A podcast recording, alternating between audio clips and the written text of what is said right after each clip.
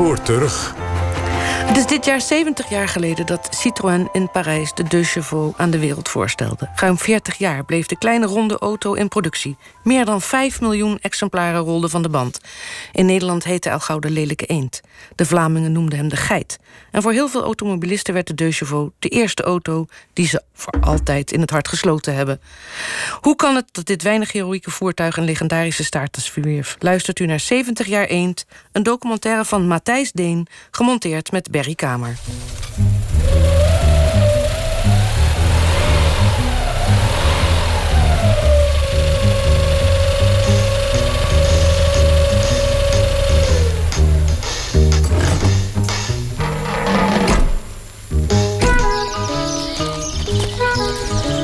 Het is onderhand een zo'n bekend verhaal dat het eigenlijk in het pantheon van oorsprongmythes is bijgezet. De vicepresident van Citroën, Pierre-Jules Boulanger, ziet even buiten Parijs een paard en wagen. Een traag hobbelend tafereel van een boer onderweg van akker naar markt. De velden rondom, de wisselvallige hemel erboven. En de kostbare lading, de producten van het land stuiterend in de laadbak. En dan loopt alles vast. Het zwetende paard, de piepende kar, de gelaten boer. Het is 1935. André Citroen, de vooruitstrevende maar toch wel wat speelzieke directeur van Citroën, is dood. Het vrijwel failliete bedrijf is overgenomen door de bandenproducent Michelin en Europa is gemangeld door een crisis.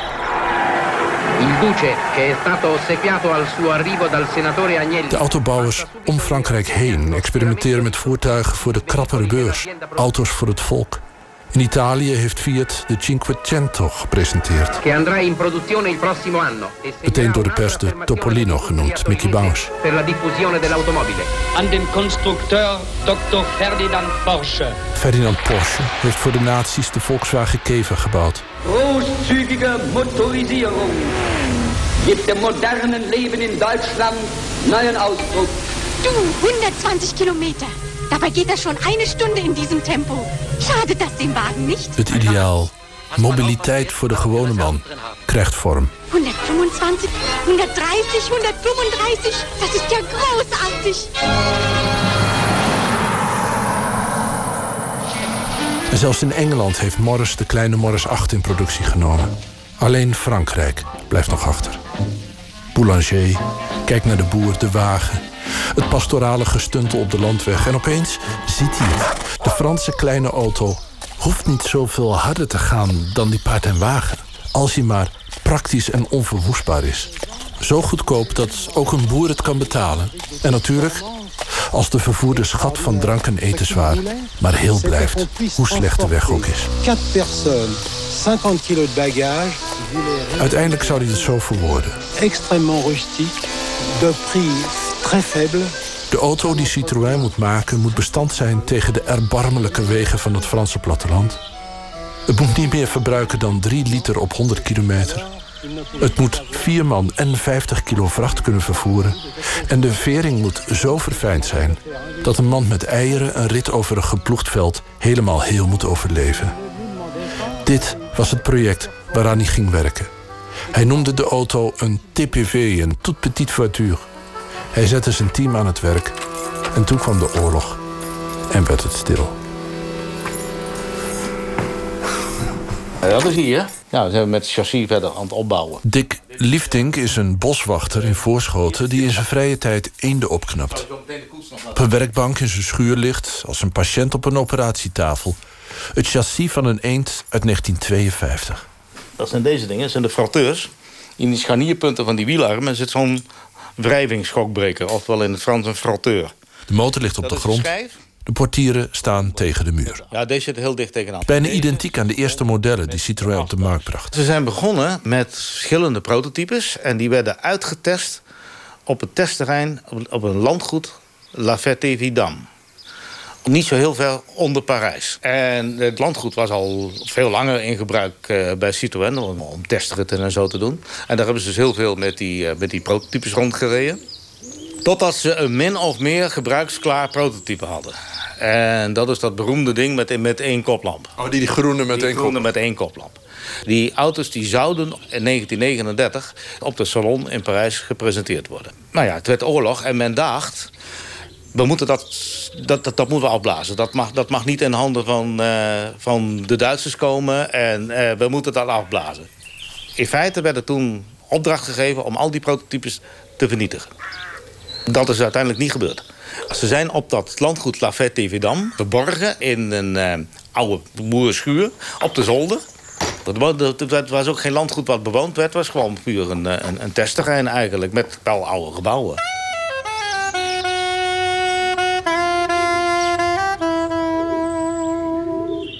Ze zijn feitelijk in de oorlogsjaren wel doorgegaan met het, met het ontwerp. En ze hebben die, die vering verder ontwikkeld. En ze hebben de motor lichter gemaakt. En daarmee ook eenvoudiger. Elke boerensmid moest hem kunnen repareren. Dus daar moest hij zo eenvoudig mogelijk worden. Optimaal met minimale middelen. Optimaal met minimale middelen. Eh bien, c'était un grand patron d'abord, et c'était un homme qui avait euh, un but, qui avait une idée. Het team Boulanger, dat onder karige omstandigheden werkt aan een auto waar dan alles opnieuw moest worden uitgevonden. Een luchtkoeling onder een motorkap. Een uitgebalanceerd veersysteem onder een vederlichte carrosserie. Het waren uitvinders onder hoge druk. In de Equinox-documentaire The Tin Snail komen ze in de jaren 70 op de oude testgronden bij elkaar om nog eens om de prototypes en de eerste modellen heen te lopen. Onder de motorkap te kijken. Wat speels op en neer te springen op het gehoorzaam meedijnende chassis. Wat hen bond was de missie. En de angst voor hun moeilijk tevreden te houden baas.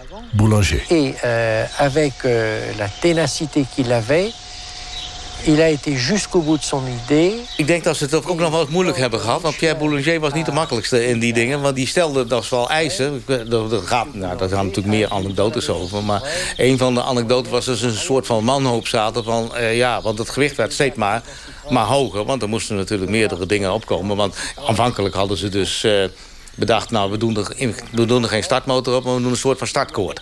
Net als een buitenboordmotor. Nou, dan goed, daar hadden ze bedacht, nou, dat gaat niet. Dus er moest toch een startmotor. Werd hij toch weer zwaarder van. En zo ging dat elke keer maar weer. En elke keer was, eh, werd er dus een eh, prototype gemaakt. En daar ging Pierre Boulanger dan mee uitrijden. En hij moest er ook altijd in kunnen zitten met zijn hoed op. Hij was lang. Voor een Fransman eigenlijk uitzonderlijk lang in die tijd. En dan moest hij met zijn hoed op in kunnen zetten. Vandaar dat een eend ook eigenlijk relatief vrij hoog is. En als het dan weer iets niet goed was, dan, nou ja, dan keurde hij dat af. En dat werd dan weer... eh, dus het is, het is, ja, hoe de sfeer geweest is... dat zal af en toe wel bijzonder... maar af en toe ook, eh, ook denk ik wel stress geweest zijn. À Paris, le 35e salon de l'automobile a été inauguré par monsieur Vincent Auriol. Zo kwam het dat Citroën vlak na de oorlog in 1948... op de Salon d'Automobile in Parijs de eend kon grand presenteren. de la voiture. C'était provoqué dans le domaine du véhicule économique par Citroën, qui présente un modèle de conception pour le moins original. Peut-être verrons-nous demain ces véhicules circuler sur nos routes. Wie weet zullen we dit model binnenkort op onze wegen kunnen zien. Was het zuinige commentaar van het Franse polygoon. En Citroën maakt hier een hele grote vergissing mee. Dit kan je niet maken. Dit kan gewoon niet. Dit is zo lelijk en zo... Dat is echt absoluut zo afwijkend. Dat is, eh, dat is niet mogelijk. Nee, nou, dat was ook inderdaad de, de algemene mening... van, eh, van de autojournalisten en de, de, de, de autopers in, in die tijd. Maar het, eh, de mensen dachten er toch kennelijk anders over. Elle passe partout. Elle vous conduit partout. La deux chevaux Citroën. En werd al vrij snel ontdekt dat het, het ding natuurlijk best wel heel ge- geniaal in elkaar zit. En natuurlijk, uiterlijk was absoluut onbelangrijk. Maar wat je er wel mee kon, je kon overal mee doorkomen. Ook al was de weg nog zo slecht. Je kon er bagage mee vervoeren, je zat droog. Het was eh, licht, het was goedkoop. Pour 150 francs par mois, vous pouvez avoir une deux chevaux Citroën. En ontzettend betrouwbaar. En dat waren lang alle auto's niet in die tijd. Sans route, sans risque, sans fatigue. Dans la boue, dans le sable, dans l'eau. À travers à travers champs. La deux chevaux Citroën. Er was maar 375 cc onder die fantastische motorkap. Ja, ja 309 pk. Ja. Men had al wel die, uh, die luchtgekoelde motor zodanig ontwikkeld... dat het vrij eenvoudig was om hem dus meer vermogen te geven. Maar dat was niet de bedoeling, want het moest zuinig zijn. En in die tijd was meer vermogen ook vooral uh, meer brandstof. Dat is natuurlijk nog wel een beetje zo. Maar het, het was toen sowieso ondenkbaar om dat te doen. En dan hoefde het toch niet sneller te gaan dan 50 km per uur. De wegen in het platteland waren zo slecht... dat je dat toch niet... Sneller kon je toch bijna niet. En het, het moest eenvoudiger. Ja, en eh, de dokter, de, de dierenarts, boeren om hun spullen naar de markt te vervoeren. Ja, daar, daar was hij voor. En daar werd hij ook heel veel voor gebruikt. Had Boulanger echt doorzien wat hij wilde maken... toen hij de boer op zijn kar zag stuntelen op de landweg? Of zijn het de Fransen zelf geweest... die uiteindelijk de eend hebben gemaakt tot wat ze is? Die sympathieke doorzetter die betaalbare heroïek zou brengen... in de levens van de underdog. Geen auto waar je de ogen van de naaste mee uitsteekt. Geen opschepper, maar een eigenaardige mengeling van sympathie, geduld, onverzettelijkheid, veerkracht, lulligheid en onverwoestbaarheid. Allemaal onontbeerlijke karaktereigenschappen voor wie opgewassen wil zijn tegen de streken die het leven iedere dag weer voor de gewone sterveling in petto heeft. Eend vond zijn stuiterende weg over de wegen van Frankrijk. Paste naadloos in het dorpse leven, waar elke vorm van poeha al gauw onderstoft in de realiteit van elke dag.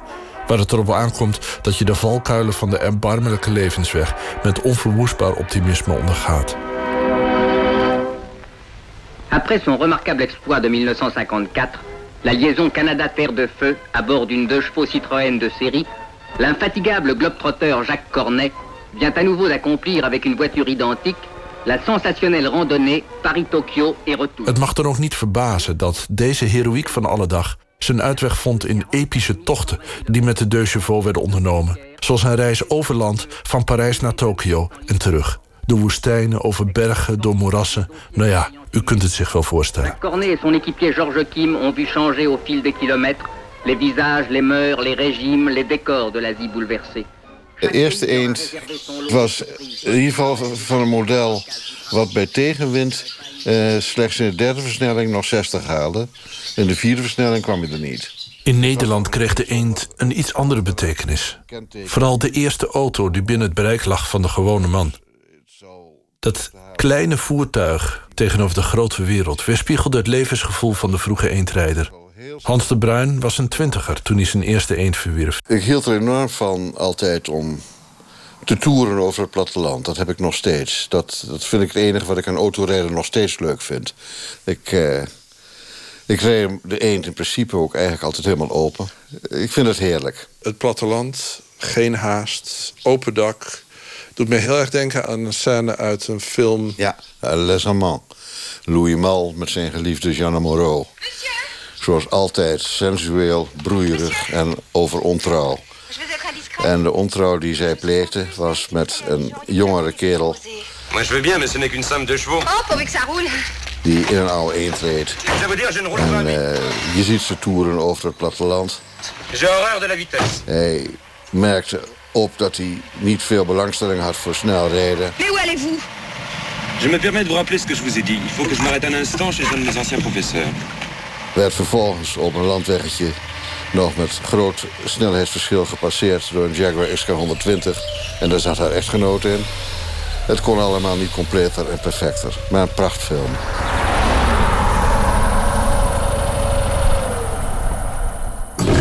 Eh, kiezen voor een eend is ook een heel duidelijke keuze. Uh, toen ook, vroeger ook.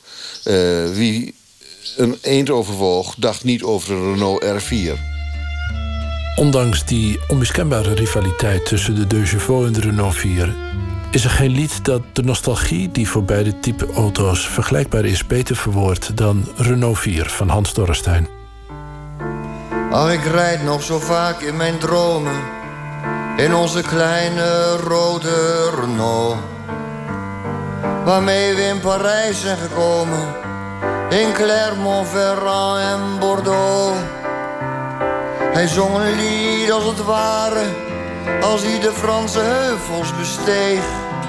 En hij voerde ons langs de Loire, al was zijn benzine tank leeg. Maar zij wilde een grotere wagen. Kunt u de foto beschrijven? Een portret wat mijn vrouw van mij gemaakt heeft. Een man in een geruit overhemd met een geruite pet... en een baard die nog maar in zijn beginstadium zit...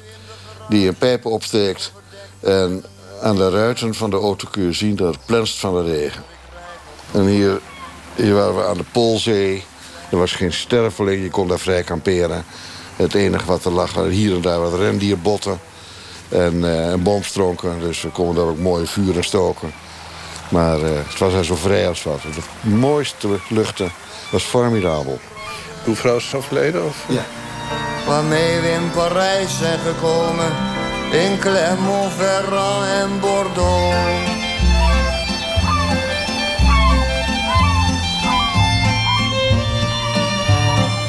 Ik ga hem toch nog even verder beschrijven. De eend staat er met een open dak en de, de achterklep open. Uw vrouw staat... Handkoffiemolen. Handkoffiemolen. En er is een, uh, op een uh, gasstelletje staat water op te warmen. De lucht is bewolkt, maar vriendelijk. Deze foto is natuurlijk echt een bom van nostalgie de liefde voor de echtgenoot is natuurlijk vanzelfsprekend. Maar de liefde voor de auto is er eigenlijk ook. Ja, is uh, gekoppeld. Het is bijna... Ik, ik heb haar ongeveer even lang gekend als de eend. Dus, uh, maar de eend was, was er net iets eerder. ja.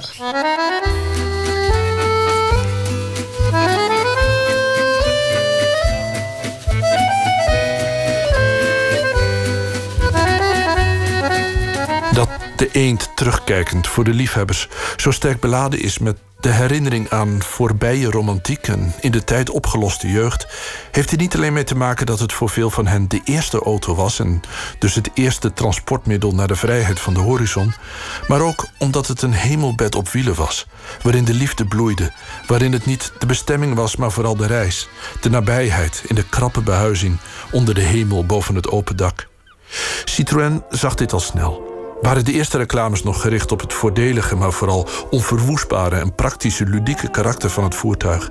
Ze werd verdrongen door romantische taferelen. Van een bruidspaar in een bos, een déjeuner sur l'herbe, een woeste balts op het strand, altijd het open dak, altijd vrij van de gebaande wegen. De chevaux, l'amour toujours. James Bond ontsnapte in For Your Eyes Only met Melina Havelock aan het stuur van een kanariegele eend, nood aan een woeste achtervolging.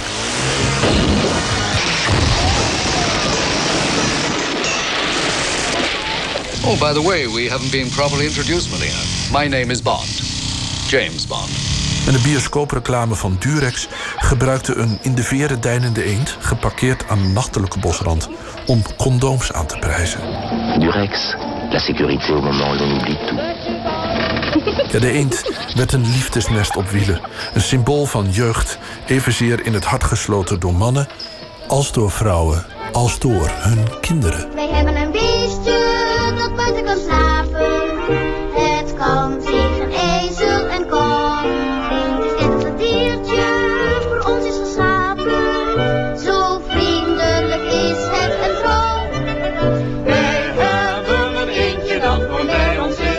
Ik denk meteen aan de verjaardag.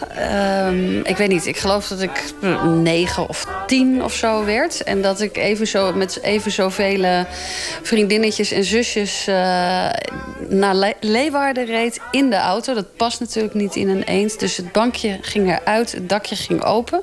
We stonden als haringen in de ton stonden we in de eend. Op de terugweg hadden we bedacht dat we al met onze handen omhoog in de eend gingen staan. Want dan konden we zwaaien naar alle vrachtwagens die voorbij kwamen. Dan schudde de eend ook helemaal. Hij lag heel diep natuurlijk door het gewicht. En het paste allemaal net, maar het was geweldig. En uh, als we van de grote weg af waren, dan uh, kwamen we op een stukje waar ook verkeersdrempels waren. En dan moest uh, in ieder geval de helft eruit. Want anders dan schraapten we met de bodem over de verkeersdrempel. Zat wel duidelijk met elastiekjes aan elkaar, die auto. En dat werd het meest duidelijk toen we een keer uh, gepakt werden door een windvlaag bij de sluizen van Lauwersoog. kan het enorm hard waaien vanaf de Waddenzee.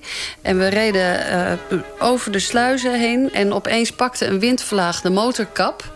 En die, die is ook heel lang. En die klapte zo helemaal over, over de voorruit en door het dak dat dicht was, naar binnen. En daar bleef hij ook steken, want hij was gewoon binnenste buiten geklapt. En toen zagen we onmiddellijk ook helemaal niks meer. Dus snel raampjes open, hoofden eruit, kijken waar we heen gingen.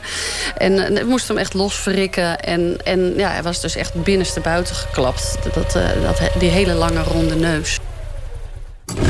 Ja, ik heb hem altijd prachtig gevonden. Ik vond zijn gezicht mooi. Hij had ronde ogen, dat is heel belangrijk. Speelt de motorkap daar een rol in?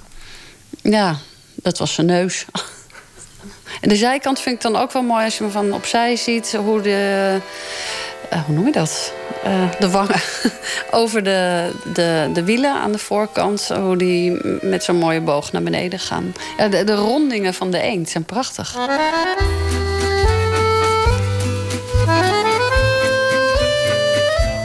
Want je hebt hier ook de deuren staan. Ja. Maar je ziet aan deze deur dat die aan de buitenkant is het een plaatdeel dat gepest is. Aan de binnenkant zie je dat het profieltjes zijn die gebogen zijn. En verstevigingsprofieltjes. En die zitten met lipjes. Je ziet hier puntlasjes dat ze aan elkaar gelast zijn.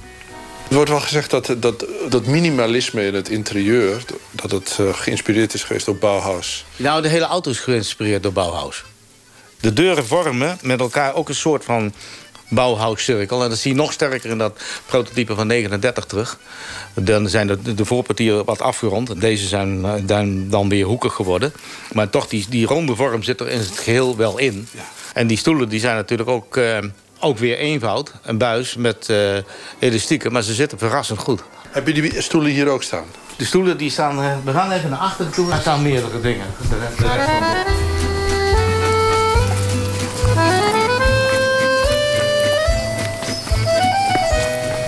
We staan dus nou bij de... Ik moet even laten horen.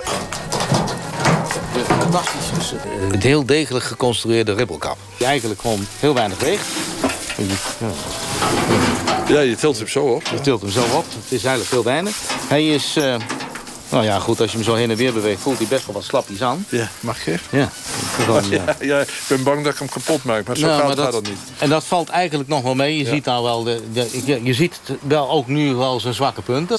Maar dit gedeelte, dat is op zich best wel vrij zeker. Want dat, vervormt, dat, dat, gedeelte met die ribbels, dat vervorm je 1, 2, 3 zo. Ja, ik, ik zal die ribbels even laten, want het zijn niet de vijf van de latere ene, maar dit zijn er... Dit zijn er heel veel naast elkaar. En dit heeft natuurlijk ook die ronde vorm samen met die ribbels geeft een voldoende stevigheid bij afwezigheid van gewicht. Ja. En daardoor heeft hij die ronde vorm gekregen. En die ronde vorm is nou eigenlijk zo ongelooflijk typerend voor die auto. Ja, ja uiteindelijk is het zo dat iedereen van een afstand uh, al kan zien dat het een eend is. Ja.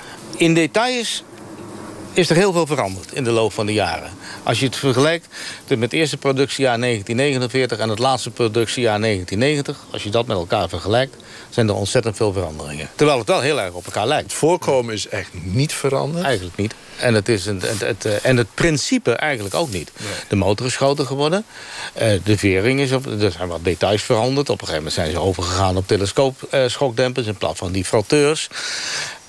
Dat zijn wel aanpassingen modernere aanpassingen. Maar in principe bleef hetzelfde.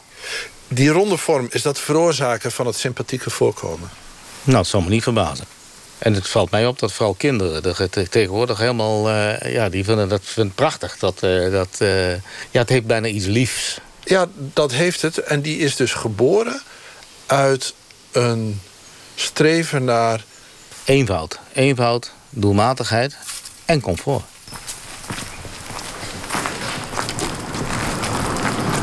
Hoe is het mogelijk dat een auto die in 70 jaar nauwelijks veranderd is... een aantrekkingskracht op de bestuurder uitoefent... die grenst aan een liefdesrelatie? Ja, geel met zwart. Ja, want je, je hebt meestal paars met zwart. Ja, en je hebt ook grijs met uh, donkergrijs gehad. Oké, oké. En daar zijn er wel veel meer van gemaakt. Maar dit was een uh, beperkte oplage. We kunnen even een rondje rijden. Ja, doe... even wat naar voren rijden. Ja, dat is goed. Michiel Hers halfweg 40, automonteur in Wassenaar gespecialiseerd in oude Citroën-modellen... en bezitter van een eend vanaf zijn zeventiende. Waar eh, vergelijk jij het geluid mee? Ja, ik zou niet weten hoe ik dit geluid moet beschrijven. Het is voor mij heel natuurlijk, zeg maar. Ik weet niet beter. Gewoon een eende geluid. Ja. Wat rij je normaal gesproken? Uh, een dagelijkse auto. Ja? Ja, een Citroën C5. Ah, juist. En in de zomer rijd ik heel veel met mijn eend. Echt autorijden. Je moet alles nog zelf doen. En bij moderne auto's tegenwoordig gaat eigenlijk ja, heel veel gewoon automatisch. Vanzelf. Dus je vereenzelvigt je veel meer met, de, met een auto... juist omdat je er veel meer aan moet doen? Ja, ja. Zo heb ik er nooit over nagedacht. Maar dat is natuurlijk, dat verklaart misschien ook wel de band die mensen, die eendrijders hebben met hun, met hun wagen. Ja, nee, dat klopt. Omdat het wat puurder autorijden is. En dat puurder is het feit dat, dat de afstand tussen mens en machine kleiner is. Ja, ja. En de, ja, dat denk ik wel, ja, eigenlijk. Ja. Hoe is het binnenatmosfeer? Want je, ja, het is een hoog dak en ja. uh, het, op een of andere manier, het zit natuurlijk uh, in de breedte zit het wat krap, maar in de hoogte niet. Hè? Erg breed is die inderdaad niet, maar dat is ook wel weer gezellig. Elke bocht is een gebeurtenis, hè? Ja, omdat de eend behoorlijk overhelt. Dus uh, ja, je voelt wel dat er iets gebeurt. En je, je kan ontzettend hard met een eend de bocht door. Dan hangt hij echt heel, heel erg scheef. En voor mensen die achter die rijden, die denken dat je omvalt. Hoe kan het dat dat niet gebeurt? Nou, dat komt door de vering. Dat is een uniek systeem. Maar dat vind ik ook het leuke van een eend. Dat het, uh, de techniek is gewoon heel anders dan een normale auto. En dat spreekt me ook wel aan. Ze zijn eigenlijk gewoon uh, helemaal opnieuw begonnen met dingen bedenken. Ze waren eerst bezig met een uh, twee-cilinder watergekoelde boxermotor.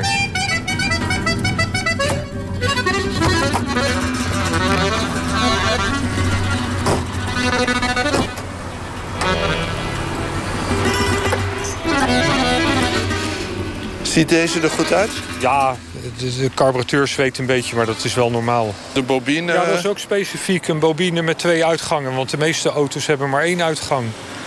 Uh, hoe zijn de eenden er nu aan toe? Nou, de, over het algemeen zijn ze in goede staat. Omdat het allemaal mensen zijn die liefhebber zijn en ze goed bijhouden. Boulanger die wilde een auto waar je zo weinig mogelijk onderhoud aan hebt. Ja. Uh, nou, dat is eigenlijk nog steeds wel zo. Uh, alleen de roest blijft nog steeds de grootste vijand van de eend omdat een eend ook niet 100% waterdicht is. Het loopt overal een beetje naar binnen. Er zijn maar weinig eenden die geen water lekken. En ja, water gaat overal tussen zitten. En dat is vaak een slecht teken. Wat, wat voor mensen hebben jullie hier nou als klanten? Wat het is ooit begonnen natuurlijk, ooit bedoeld als een plattelandsauto. Ja. Voor mensen met een krappe beurs, zelfs voor boeren die eigenlijk geen auto konden betalen. Ja. Nou ja, in de jaren 60 was een eend ook echt een studentenauto. En ik merk aan mijn klantenbestand wel dat veel mensen uit die tijd er weer een eend bij gekocht hebben omdat dat de auto was die ze vroeger hadden. Ze proberen iets terug te halen? Ja, het is ook een soort gevoel van nostalgie. Ja. Van vroeger. Vroeger kocht je voor 100 gulden een eend. Ja, er waren er zoveel. En, en nou is een eend? Ja, een gerestaureerde eend doet tegenwoordig al 15.000 euro. Soms wel meer ook. Dus de eend is nog nooit zo duur geweest als nu? Nee, klopt. Ja. Het is een van de meest kostbare klassiekers aan het worden, zo langzaamaan. Juist. Die nostalgische mensen, dat moeten wel mensen zijn die naar hun krappe beurs het voor de wind is gegaan. Ja, klopt. Alhoewel de prijsstijging de laatste vijf jaar pas heel extreem geworden is. Daarvoor was het nog te overzien. Aan de ene kant wordt het aanbod natuurlijk schaarser... Ja. maar aan de andere kant is kennelijk de, de, de vraag gestegen. Ja, precies, ja. Maar heeft dat ermee te maken dat die mensen met pensioen zijn gegaan? Ja, misschien ook wel, ja. Dat ze, ja. Want de meeste klanten hebben de eend ook wel in de garage staan die wij hebben. We hebben er nog een aantal die er dagelijks mee rijden... maar de meeste hebben hem echt voor erbij. Gewoon om te hebben? Ja, voor de heb ja, om in het weekend mee te rijden. Om nou te zeggen dat een eend een hele mooie auto is... Ja, ik zelf vind een eend eigenlijk geen auto. Maar? Het moest natuurlijk een naampje hebben, dus ze hebben het een auto genoemd. Maar ja, wat mij betreft hadden ze het ook een andere naam kunnen geven.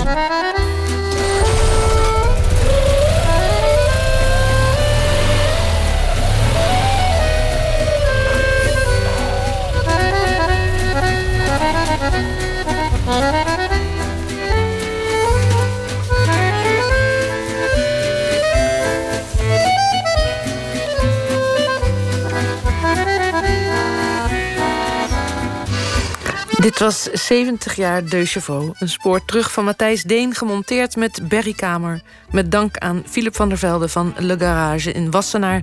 En Kim Souter voor haar jeugdherinnering.